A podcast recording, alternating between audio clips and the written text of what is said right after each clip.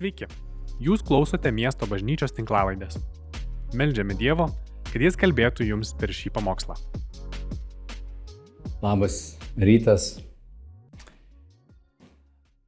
Šiandien pradedam kalbėti apie maldą, apie maldos gyvenimą.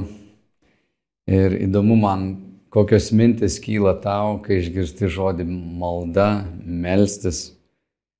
Ir ką galvoja, kai tau užduodamas klausimas, kaip bendrauti su Dievu tokiam užimtame, trukdžių pilname pasaulyje. Mes pavadinom šį pamokslų ciklą kvėpuoti, melstis, gyventi. Tam, kad mes galėtumėm gyventi, mes turim kvėpuoti. Tam, kad mes galėtumėm dvasiškai gyventi, mes turim melstis. Ir kvėpavimas toks dalykas, aš noriu, kad tu įsimintum šitą metaforą, šitą palyginimą, kad malda yra gyvybiškai svarbi dvasiniam gyvenime, taip kaip kvėpavimas yra būtinas mūsų kūnui. Ir kvėpavimas yra, kad mes na, turim įkvėpti ir paskui turim iškvėpti. Mes negalim tik įkvėpti, įkvėpti, įkvėpti ir įkvėpti. Mes turim ir įkvėpti, ir iškvėpti, kad galėtumėm gyvuoti. Ir malda tai yra, na, toks keitimasis, tai yra bendravimas su konkrečiu asmeniu. Malda nėra savitikslis dalykas, į kurį mes įeinam kaip tokia praktika, kažkaip izoliuodami save nuo visos likusio savo gyvenimo. Taigi, kai kalbam apie maldą, šiandieną padarysiu tokią įžangą, noriu trumpai apžvelgti, apskritai vardinti sunkumus su malda, kad mes visi pasijustumėm, jog esam, na, toj pačioj vietoje arba tame pačiame laive, kad iš tiesų tai nėra šiaip paprastas dalykas. Ir taip pat keletą tokių įvaizdžių parodyti, kaip Jėzus kviečia mus ateiti į maldą. Taigi, kai kalbame apie maldą, aš susiduriu su tuo, kad kartais tiesiog yra mums sunku kalbėti apie, na, atvirai kalbėti apie sunkumus maldoje. Tas gyvenimas toks kaip ir kokioj draugystėje, kuri, na, tarsi nesimesga labai sklandžiai arba yra komplikuota, nelabai norisi daug kalbėti. Ir kai kalbam apie maldą, tai visi taip, jo, jo, reikia melsis, aš meldžiuosi, mes meldžiamės ir panašiai. Bet iš tiesų, manau, reikia tam tikrą prasme taip, na, užbriežti tokią liniją ir pasakyti, kad apie maldą labai daug prirašyta todėl, kad nėra taip paprasta melstis. Mums kyla įvairūs sunkumai. Mes turim įvairiausių rūpeščių, kurie užkiša mūsų širdį, mūsų galvą yra daugybė net trukdžių, su kuriais mes susidurėm. E, mums stinga koncentracijos arba gebėjimo susitelkti. C.S. Lewisas yra pasakęs, kur mes be pasisukame, susidurime su triukšmo karalystė. Šiandien turbūt daug labiau nei prieš beveik šimtą metų, kai C.S. Lewisas tai rašė. Manau, kad daugelis susidurėme ir su tokiu cinizmu, kuris pasiekė mūsų širdį kai galvoju, aš meldžiausi, meldžiausi, bet iš tiesų mano maldos buvo neatsakytas. Aš kreipiausi Dievą, bet nieko negirdėjau. Arba net kaip bičiulis koks ateina, sako, na, aš už tave pasimelsiu, bet iš tikrųjų niekada už tave nesimeldžia. Mes turim tą tokią, na, palaikysiu tave maldoj, bet tu nujauti, kad galbūt jis ir nepalaiko tavęs maldoj, nes daugiau niekada nebeklausia, kaip tau sekasi. Ir taip prisideda prie cinizmo. Kartais mes vargstam, na, nuo kalties jausmo. Ateini pas Dievą ir įsivaizduoji, Dievas yra šventas, tobulas. Tave gali tiesiog varginti kalties jausmas ir kartais nedrįsti akių pakelti dangų. Na tai irgi labai apsunkina tą santykį, ar ne? Net bažnyčiai kartais mes išgyvenam tokią, na, neramumo atmosferą. Kitas dalykas, kurį pastebiu šiandien, kodėl maldos, man atrodo, kartais žmogaus gyvenime yra mažai, nes gyvenimas yra pakankamai geras. Iš tiesų daug problemų mes šiandien sprendžiam pinigais, gydytojo pagalba, kažkokiais ryšiais. Retai, kuris susiduria su tokiu gyvenimu ir mirties klausimu. Tai vėlgi tai kyla toks klausimas, kam tada melsis, dėl ko man čia reiktų eiti pas Dievą, ko aš čia turiu prašyti, nes nors nu, šiaip faina, kol į kažkokią krizę nepapuoli. Dar vienas dalykas, kuris, na, turim turbūt pripažinti, kad kalbėtis su asmeniu, kurio nematom, kartais nejaučiam, neišgyvenam, yra keistas dalykas. E, netikinti žmogus sakytų, nu, malda apskritai jam turbūt, nu, tu kalbėsi vos ne su savim arba su kažkuo. O Lietuvoje, jeigu tai pasakytum, na, aš melžiuosi arba girdėjau, Dievas man sakė, tai jau yra ta kategorija, kur tu galbūt apskritai tau protas nučiožia truputį ir sakai, Dievas man kalbėjo. Nors didžioji dalis pasaulio šiandien yra labai religinga, labai daug žmonių melžiasi, turbūt didžioji dauguma Mes gyvenam vakarų pasaulyje, kur tos maldos nėra tiek daug, bet šiaip pasaulis yra vis labiau ir labiau religingėjantis. O šiandien, jeigu taip pažvelgtume maldą, ar ne, vat, visus tos tokius sunkumus įvardėjau, kalbant apie maldos gyvenimą, liečiant šitą temą, tai kai paklausi kartais, man atrodo, visi turim tam tikrą supratimą ir galėtumėm paaiškinti, na, kaip reiktų melstis. Reikia melsis ten tėvė mūsų, galim užtarimo maldom, bendrom maldom, galim būti tyloje ir taip ir vienaip ir kitaip mes galim apie tą maldą diskutuoti. Bet jeigu naitum pas kokį psichologą, sakytų jis tau, na, papasakok man, o kaip tavo laikas su dangiškoju tėvu. Ir va čia jau gali būti kitaip, kada taip nuoširdžiai pažiūrė, ar tau išeina būti su tėvu. Apie tėvą mes žinom, kartai žinom ir teologiją, ir žinom mokymą, kaip reiktų melsis, klausimas iškyla, o kaip tavo bendravimas su tėvu, kaip tu jautiesi, kada esi jo akivaizdai, ką išgyveni, kiek tu jį pažįsti. Nes apaštalas Paulius rašydamas apie maldą, jisai um, sako, cituodamas Senąjį testamentą, Dievo tokį pažadą. Jisai sako, tuomet aš jūs priimsiu ir būsiu jums tėvas, o jūs būsite man sūnus ir dukteris. Taip sako visagalis viešpats. Taigi malda yra ryšys su mūsų dangiškoju tėvu, o mes esame pakviesti būti jo vaikais ir ateiti jo akivaizdą. Taigi, kai kalbam apie maldos gyvenimą, na, sakytumėm gerai, maldos gyvenimas, koks yra tas geras maldos gyvenimas, kaip jis atrodo. Na, jeigu šiandien sakytum, va, štai dabar pasiekiau idealų į tą maldos gyvenimo tokį būvį, ką tai reiškia, koks jis yra. Kai mes kalbam apie kelionę, mokymasi, e, kartu kaip Kristaus mokiniai, jo vaikai, tai turim pasakyti, kad malda aš jau ir užsiminiau apie tai, nėra savitikslis dalykas. Malda mm, kaip bendravimo būdas nėra esmė, esmė yra tėvas, yra sunus ir šventoji dvasia, kuriuos mes esam pašaukti pažinti. Mūsų Dievas sako, kad jį pažinti yra tikrasis gyvenimas. Taigi malda yra kaip būdas, priemonė, kaip mes artėjam prie tėvo ir kaip mes jį pažįstam. Viena gražiausia turbūt tokių ištraukų, labai šiltų, kaip Jėzus kalba e, bažnyčia jau po prisikelimo. Apreiškimo knygoje jis užrašė Fezo bažnyčiai tokius žodžius. Tikintiems žmonėms sako, štai aš stoviu prie durų ir beldžiu. Jei kas išgirs mano balsą ir atvers duris, Aš pas jį užeisiu ir vakarieniausiu su juo, o jis su manimi. Aš stoviu prie durų.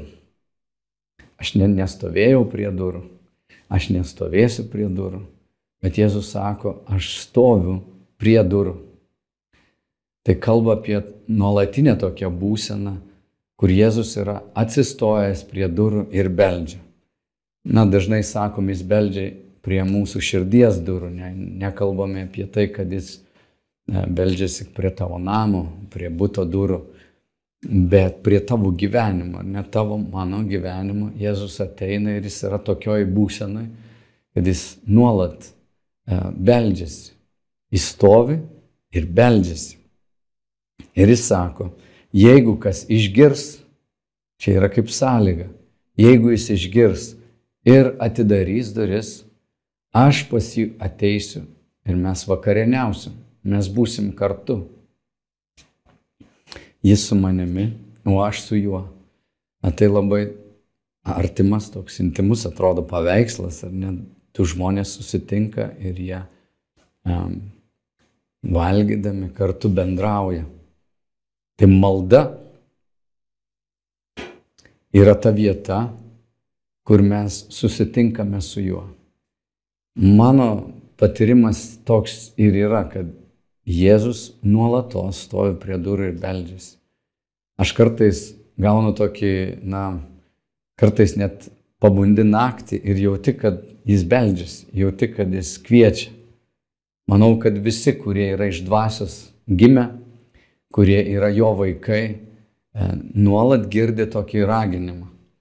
Ir jeigu mūsų ausis palinks, išgirs, ir atsivers, kažkokiu būdu mes turim padaryti tą žingsnį, kad tu šventoji dvasia kvieti mane į bendrystę, aš noriu ir įeiti į tą bendrystę.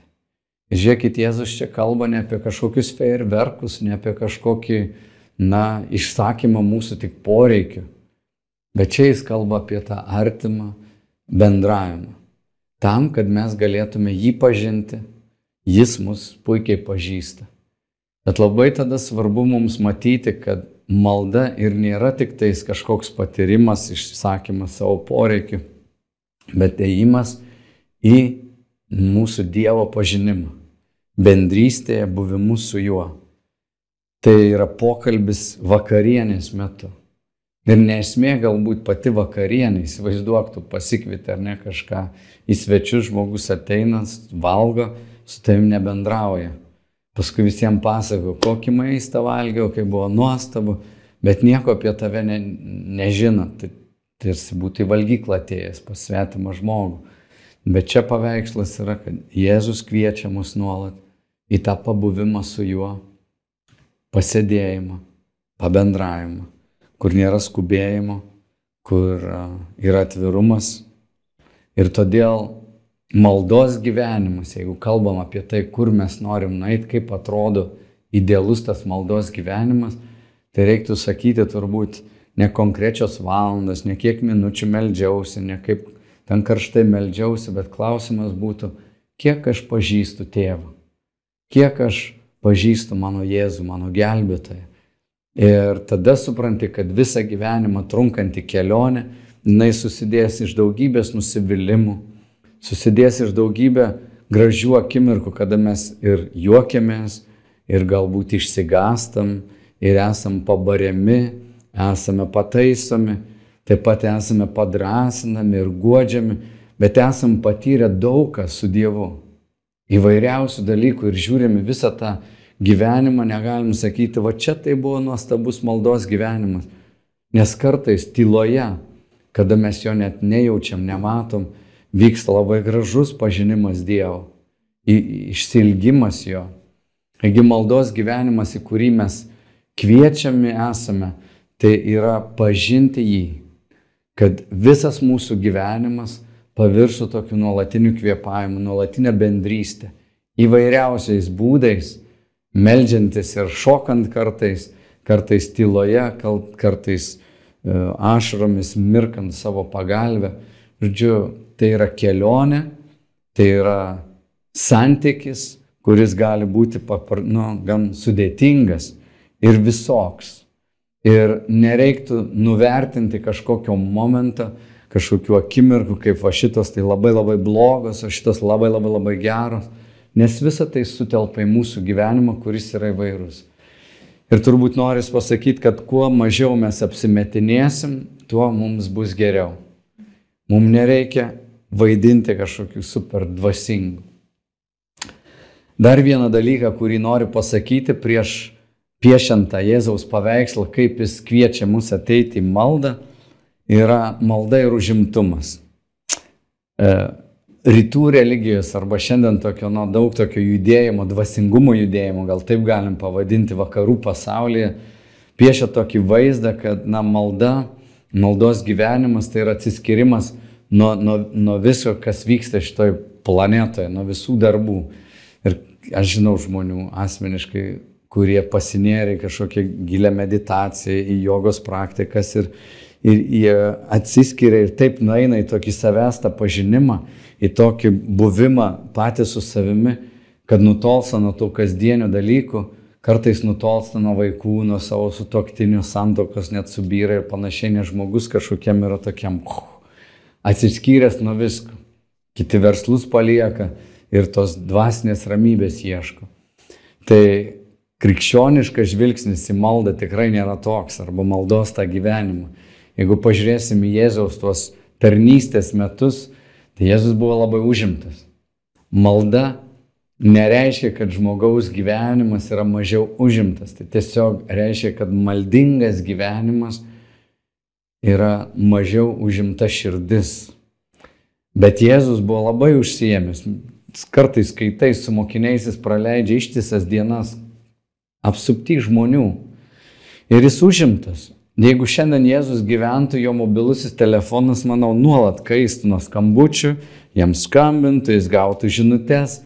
Ir aš neįsivaizduoju tokio Jėzaus, kuris sako, nežinot ką, šalin telefoną ir aš būsiu ant kalno. Ne, ne tokį Jėzų mes matom Naujajame testamente. Jis užimtas, jis tarp žmonių, bet tarsi kitoj bangoje. Jo širdis neužimta, jo širdis kažkokia vientisa, jis mato žmonės kitaip nei, nei, nei aplinkiniai. Ir jis atsiskiria, pabūna su tėvu ir vėl jis yra tokiam užimtam kasdieniam gyvenime, va tokiam tarsi balansė Jėzus atrodo įkvėpia, naktį būdamas ar ten paryčiai su tėvu, dieną jisai uf, iškvėpia kažką, atiduoda ir matai nuolatinę tokią kaitą jame. Taigi, maldos gyvenimas nereiškia, kad tau reikia atsiskirti, palikti šeimą, žmoną, vaikus, darbus. Mm, tikslas mūsų būtų pažinti tėvą mūsų kasdienėme gyvenime, neatsiribojant nuo jo. Mes esam pašaukti būti šiame pasaulyje, bet būti kitoj bangoj, kitam, kit, kit, kit, kitoj dvasiai, būti ne iš šio pasaulio. Na, apie maldą. Dar kartą Jėzus kviečia mus ateiti maldą, iškeldamas labai įdomų tokį įvaizdį. Daug kur kalbam maldoje apie vaikų rolę, apie mūsų buvimą, tapimą kaip vaikais. Tuo metu, kai Jėzus tarnavo Izraelyje, tai vaikai neturėjo jokių teisų apskritai Romos imperijai situacija buvo gan tokia drastiška, tragiška. Vaikai, kurie na, būdavo gatvėje, jeigu jie ne, nei piliečiai buvo, žodžiu, Romos piliečiai galėdavo juos net seksualiai išnaudoti, jie neturėjo jokių teisų, nieks jų neklausydavo, prie stalo nesadindavo.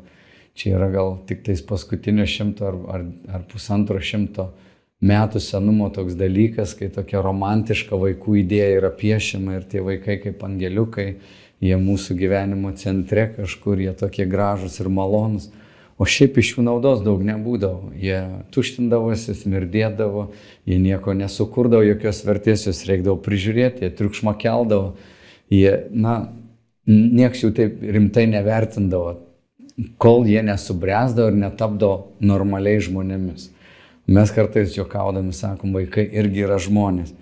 Nes Jėzus labai perkeitė tą žvilgsnį į vaikus.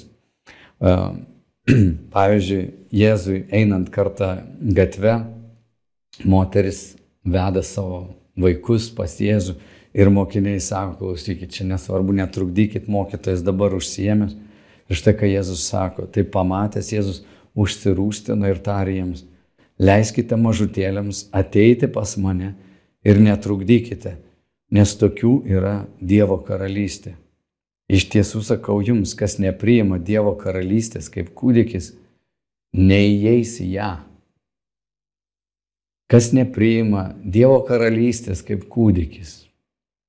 Kūdikis, kuris mažai ką žino, pats apie save labai gerai negalvoja, žino, kad yra pažeidžiamas, žino, kad yra silpnas. Sako, jeigu tu nori įeiti į dangaus karalystę, tu turi turėti va tokį, na, a, nuolankų labai žvilgsnį į save.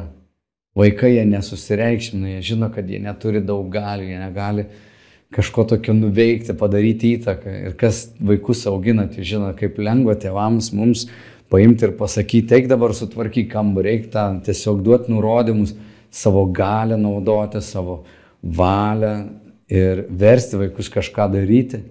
Ir vaikai tikrai jie, na, jaučia tą svorį tų žodžių. Mes labai didelę įtaką turim mažutėliams. Ir Jėzus sako, jūs turėtumėte tapti kaip tie mažutėliai, jeigu norite įeiti į dangaus karalystę. Kitoj vietoje vėl Jėzus duoda palyginimą su, su vaiku, kai mokiniai kalba apie tai, kas apskritai yra na, didžiausias, kas čia yra lyderis, kas čia yra vertinamas.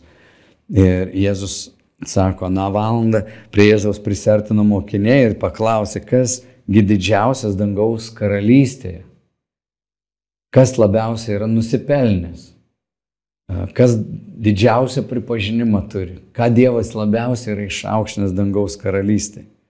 Pasišaukęs vaikutį, Jėzus pastatė tarp jų ir tarė, iš tiesų sakau jums, jei neatsiversite, tai yra nepakeisit savo mąstymą, Nepasidarysite kaip vaikai, neįeisite į dangaus karalystę. Taigi kas pasidarys mažas kaip šis vaikelis, tas bus didžiausias dangaus karalystėje. Na tai yra rim, rimta atgaila, rimtas raginimas atsiversti, perkeisti savo mąstymą. Kad kai mes ateinam į Dievo karalystę, ateinam į bažnyčią, ateinam į tą dvasinę aplinką, kurioje yra viešpats, Mes turime patys pasidaryti kaip vaikai, e, kaip kūdikiai. Ir Jėzus sako, jūs turit atsiversti, jūs turit persikeisti, pasidaryti kaip vaikai. Ir ar gali suaugęs pasidaryti kaip vaikas? Žinoma. Žinoma, suaugęs gali pasidaryti kaip vaikas. Nežinojimu tapti naiviu ir kvailu, bet kitomis savybėmis, kuris netrukus tuoj peržvelgsim, pamastykim apie tai, ką reiškia būti vaiku. Nes Jėzus tą vaizdą arba tą nu, vaikų tokį paveikslą nuolat pakelia į, į labai svarbią vietą. Iki to, kad net na, klausimas yra, ar įeis į dangaus karalystę ar ne. Žydams tai labai rimtas klausimas, kas įeis, kas ne, kas bus Abraomo prieglopstį. Ir Jėzus sako, sąlyga tam, kad jūs įeitumėt, yra tapti kaip vaikai. Dar viena vieta, kai mokiniai, pamenat, grįžta iš, um, iš misijos, Jėzus pasiunčia jos demonų išvarinėti, jie tokie laimingi grįžta ir sako, Jėzu, mums pasisekė, mes stebuklus darėm, žmonės pagijo, demonai klausė tavo vardu, jie tokie užsidegė. Tuomet Jėzus pradžiugo šventąją dvasę ir prabilo šlovinu tave, tėvę, dangaus ir žemės viešpatie, kad paslėpiai tai nuo išmintingųjų ir gudriųjų o apreiškiai mažutėlėms. Taip, tėve, nes tau taip patiko. Čia Jėzus mato tą uh, mokinių tokį buvimą vaikais. Jie grįž, grįžo krikštaudami, džiaugdamiesi. Ir Jėzus sako, na čia toks kaip pažeminimas galėtų nuskambėti, bet žiūrėk, jie, jie mažutėlį, jie negudrieji, ne patys kiečiausi, kurie čia susirinko, bet mano mokiniai, jie yra kaip vaikai jiems viskas pasisekė, viskas fainai, žinot, jis paskui ir pakoreguoja dar, sako, jūs nesidžiaukit dabar, kad labai ten sėkmingi buvot savo tarnavime, kad užsitarnavot kažkokių pripažinimo, džiaukitės, kad jūsų vardai yra įrašyti e, dangaus knygose. Bet čia jisai pasidžiaugia, tėve, aš taip dėkoju, kad tiem mažutėliam paprastiesim, kurie nu neapsimetinėja, kad jie super dvasiniai, jie nepanašus į fariziejus, jie neturi tų ilgų maldos tokių šalikų užsidėję ir viešumoje nesirodo, kad jie labai kieti. Atvirkščiai, va, kaip faina, Jėzus džiaugiasi jais, kad jie tokie, na, paprasti, paprastom tom emocijom. Ir mes, kai skaitom Naują Testamentą, kartais matai tą tokį vaikiškumą tų mokinių. Tai, na, važiuoju, Jonas su Jokūbu, Jėzu, dai padaryk, kad mes ten sėdėtum viens toj pusėje, kits toj pusėje. Nu, ar tai ne, netrodo vaikiška? Uh, ir Jėzus, na, jos mokina. Bet čia jis taip pasidžiaugia ir atrodo Jėzus nuolat, nuolat taip labai gražiai um, nupaišo tą vaikų svarbos tokį paveikslą mums. Dabar kokie tie vaikai, kaip jie ateina, ne kokie jie yra. Jie vaikai ateina tokie, kokie jie yra. Jie iš tikrųjų beveik visi vaikai, kiek aš pažįstu, yra egocentriški, jie nesislapsto, jie yra visiškai tokie atviri, jie neturi tokios savicenzūros, jie neturi to, to, tokio, tos kaukės. Ir, ir kai mes kalbam apie maldą, tai Jėzus kviečia mus irgi ateiti, na, rodo tą vaikų pavyzdį, ar ne? Jėzus kviečia, ateikit pas mane visi, kurie vargstate, esat prislėgti, aš jūs atgaivinsiu. Tai ateiti į maldą, ateiti į tą priklausomybę nuo jo, ateiti su savo poreikiais, su, su savo naštomis, yra, na, ateiti toks, koks esi. Tikrai nereikia apsivalyti, nusišluostyti ir tik tada ateiti pas jį. Sąlyga pas Jėzų ateiti, vargstantis, prislėgtas. Nežinau kaip jum, bet nu, aš dažnai jaučiuosi prislėgtas, man reikia to poreikio ir dažnai pas Dievą tikrai eini toks kaip vaikas, man kažko reikia, arba aš kažko noriu ir aš tada varau. Jeigu man nieko nereikia, aš nieko nenoriu, aš net užmirštu namo grįžti, kaip vaikas. Gali linksminti su draugais, bėgioti, tik tais kažkoks poreikis, žiūrėk, vaikas jau bėga namo, jis jam kažko reikia dabar. Tai kaip mums kalbėti su tėvu?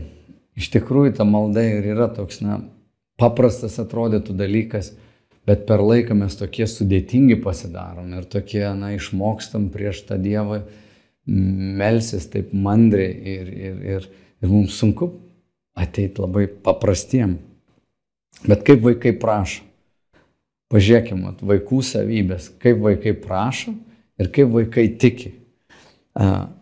Vaikai kaip prašo? Jie prašo visko ir prašo, na, visada.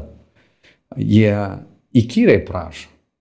Visa, ko jiem reikia, jie turi, na, tokį, kaip sakiau, necenzuruotą prieimą.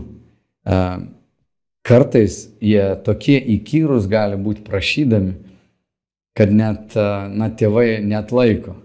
Jeigu kokiai parduotuviai vaiką pamatysi, kuris rėkia, tai mama, žiūrėk, jau bus nebeatlaikanti, nupirks ant saldainį dar kažką. Net, net, ir Jėzus sako, būkite tokie kaip vaikai, tai ką man rėkti, šaukti, kai aš kažko užsigeidžiu, kažko noriu. Na taip, būkite tokie kaip vaikai, ateikit, ateikit pas tėvą kaip vaikai kai vaikai kažko prašo, dažnai jie net nežino, ko negalim prašyti. Kaip suaugę mes žinom, ko galim, ko negalim prašyti. Bet vaikas, jam tiesiog šovė mintis, jis kažko užsinorėjo ir jisai prašo. Netgi to, ko negalim. Jie nefiltruoja savo prašymą.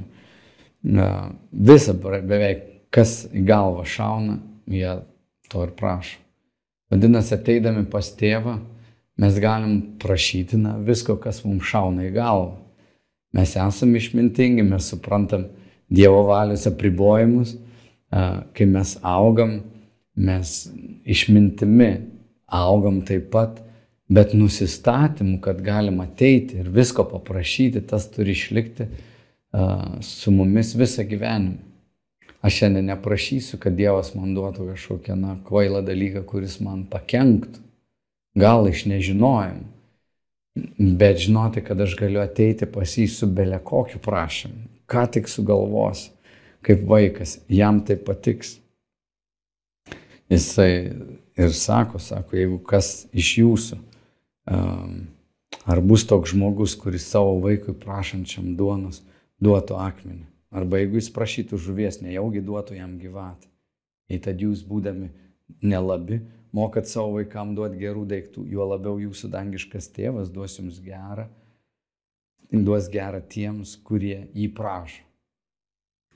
Taigi pas tėvą mes galime ateiti visada ir prašyti visko labai atvirai, be tokios cenzūros. Kas dar apie vaikus yra ypatinga, kad vaikai jie tiki savo tėvais.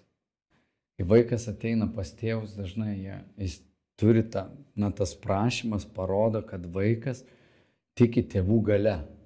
Tėvai gali suteikti man tai, ko aš noriu. Dažnai jie nežino nei tėvų finansinių galimybių, nei ten ar tėvai norės ar nenorės, bet tas vaikiškas tikėjimas. Aš tikiu, kad jeigu aš prašysiu, tu man tai ir duosi. Ir, na, jo tas tikėjimas toks irgi gali būti kaip ir prašymas, toks įkyrus, jis ateina ir beldžiasi, jisai um, nori, nori, nori, nori. Aš noriu ir noriu, noriu.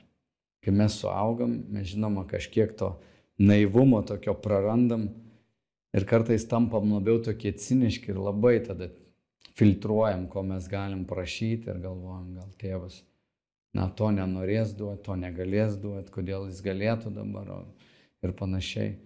Ir Jėzus kviesdamas mus būti kaip vaikai, mm, jis kviečia mus išlikti tokiais, na, nuoširdžiais, nuolat prašančiais, nuolat tiki, tikinčiais, kad tėvas yra geras ir jis gali duoti.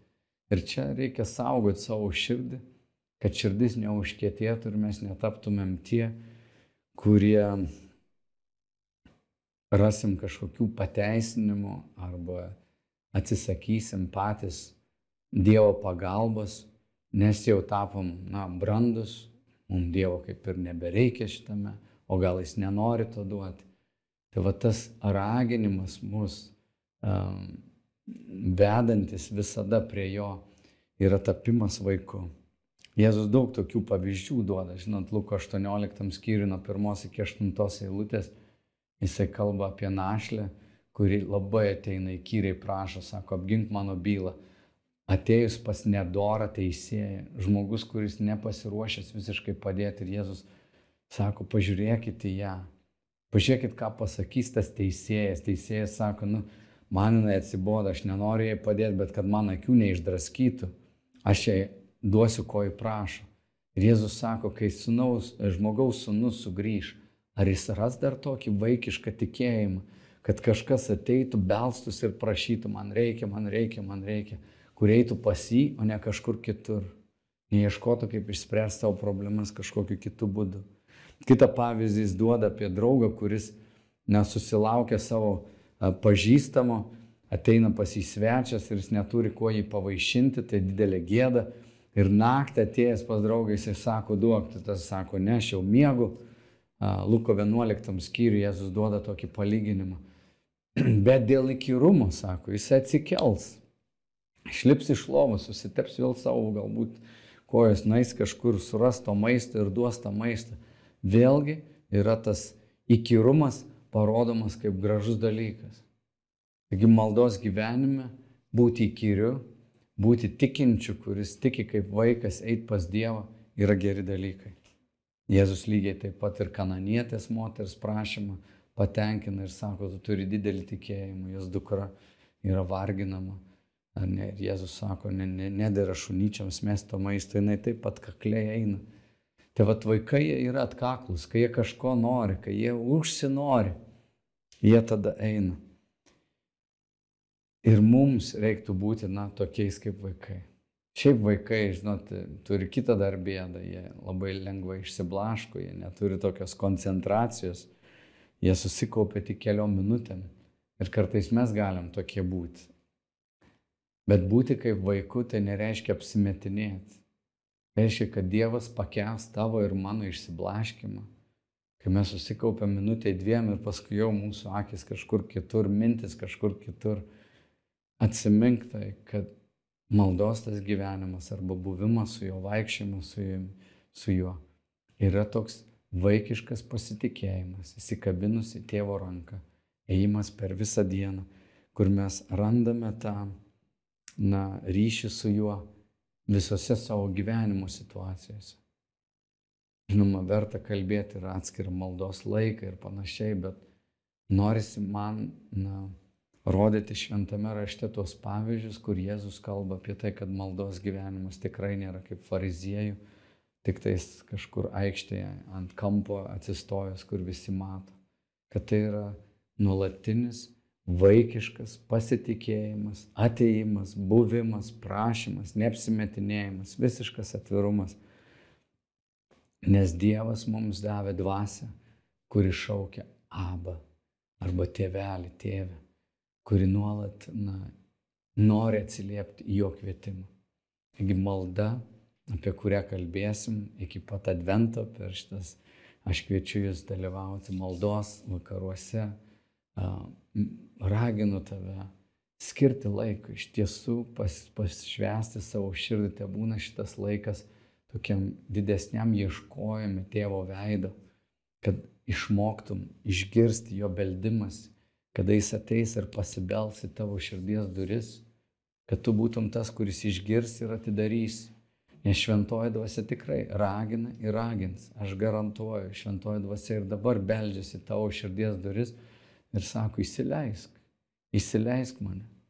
O tu gal sakai, ne, ne, aš susitepęs, mano namai smirdė, aš net nenoriu tau parodyti, ką čia prisidariau. Mm. Tu neišgazdinsi jo. Jis ateis, kaip šviesa išsklaidys tavo tamsą. Atsiverk. Jeigu kažkas ne taip, tiesiog būk atviras. Ir tu atrasi jį ten, kur esi. Ateik toks, koks esi. Jis tave perkeis, kad tu nebeliktum toks, koks esi. Aš užbaigsiu šį pamokslą tokia ištrauka iš 131 salmės. Sako, netgi esu patenkintas ir ramus, kaip vaikas ramus ant motinos kelių. Taip rami mano širdis, mano krūtinėje. Štai kas yra malda. Malda yra tas buvimas, kai aplinkui galbūt audros jaučia, galbūt tavo bendradarbiai ginčijasi, kariauja, kur tu gali savo viduje, visame tame trukdžių pilname pasaulyje užimtume, atrasti tą vietą, kur tu gali būti tarsi prie motinos krūtų, kaip tas kūdikis, kuris yra ramus, yra patenkintas. Į tai mūsų tėvas nori vesti. Ir jeigu tu esi tik tais tikėjimo kelionės pradžioje, aš tave taip noriu padrasinti, tavęs laukia daug nuostabių akimirkų su tėvu, laukia daug ir sunkumų. Jeigu tu esi dobėjai, ta dobė praeis. Ne visada tai bus, kaip yra dabar, bus ir gerai. Tik nesustok, lik vaikiškas, lik atviras, lik toks tėvė, daryk kažką, pakeisk, aš esu silpnas. Ir malda yra ta vieta, kur mes kaip vaikai ateinam pas jį. Kitą sekmadienį noriu Jums kalbėti apie bejėgiškumo svarbą, kaip svarbu vat, tą vaikišką širdimi, nuolat būti pas tėvą, kad mes galėtumėm ragauti jo stiprybės. Taigi viešpatie aš meldžiu, kad tavo malonė pasiektų mus visus. Ir aš meldžiu viešpatie, kad tu suteiktų mums tą atsivertimo dovaną. Ypač meldžiuosi viešpatie, kad tų, kurių širdis nebetiki, nebeprašo, atšalo, nutolo nuo tavęs kad tu viešpatie pasibelstum, kad tu duotum malonės pavakarieniauti su tavimi, kad tu duotum akimirkų sulėtėti, duotum akimirkų tave pastebėti. Šventoji dvasia atgaivink mus, pakviesk, ateik viešpatie ir pritrauk mus arčiau savęs. Kaip tavo žodis sako, atgręžk mus ir mes atsigręšim Padaryk viešpatė mūsų bažnyčią maldingą, kad malda taptų kaip kvepavimas mūsų dvasiniam žmogui. Mes melžiam to per mūsų viešpatį Jėzų Kristų. Amen. Ačiū, kad klausėte. Daugiau informacijos rasite mūsų svetainėje miesto bažnyčia.lt arba Facebook, Instagram ir YouTube paskiruose.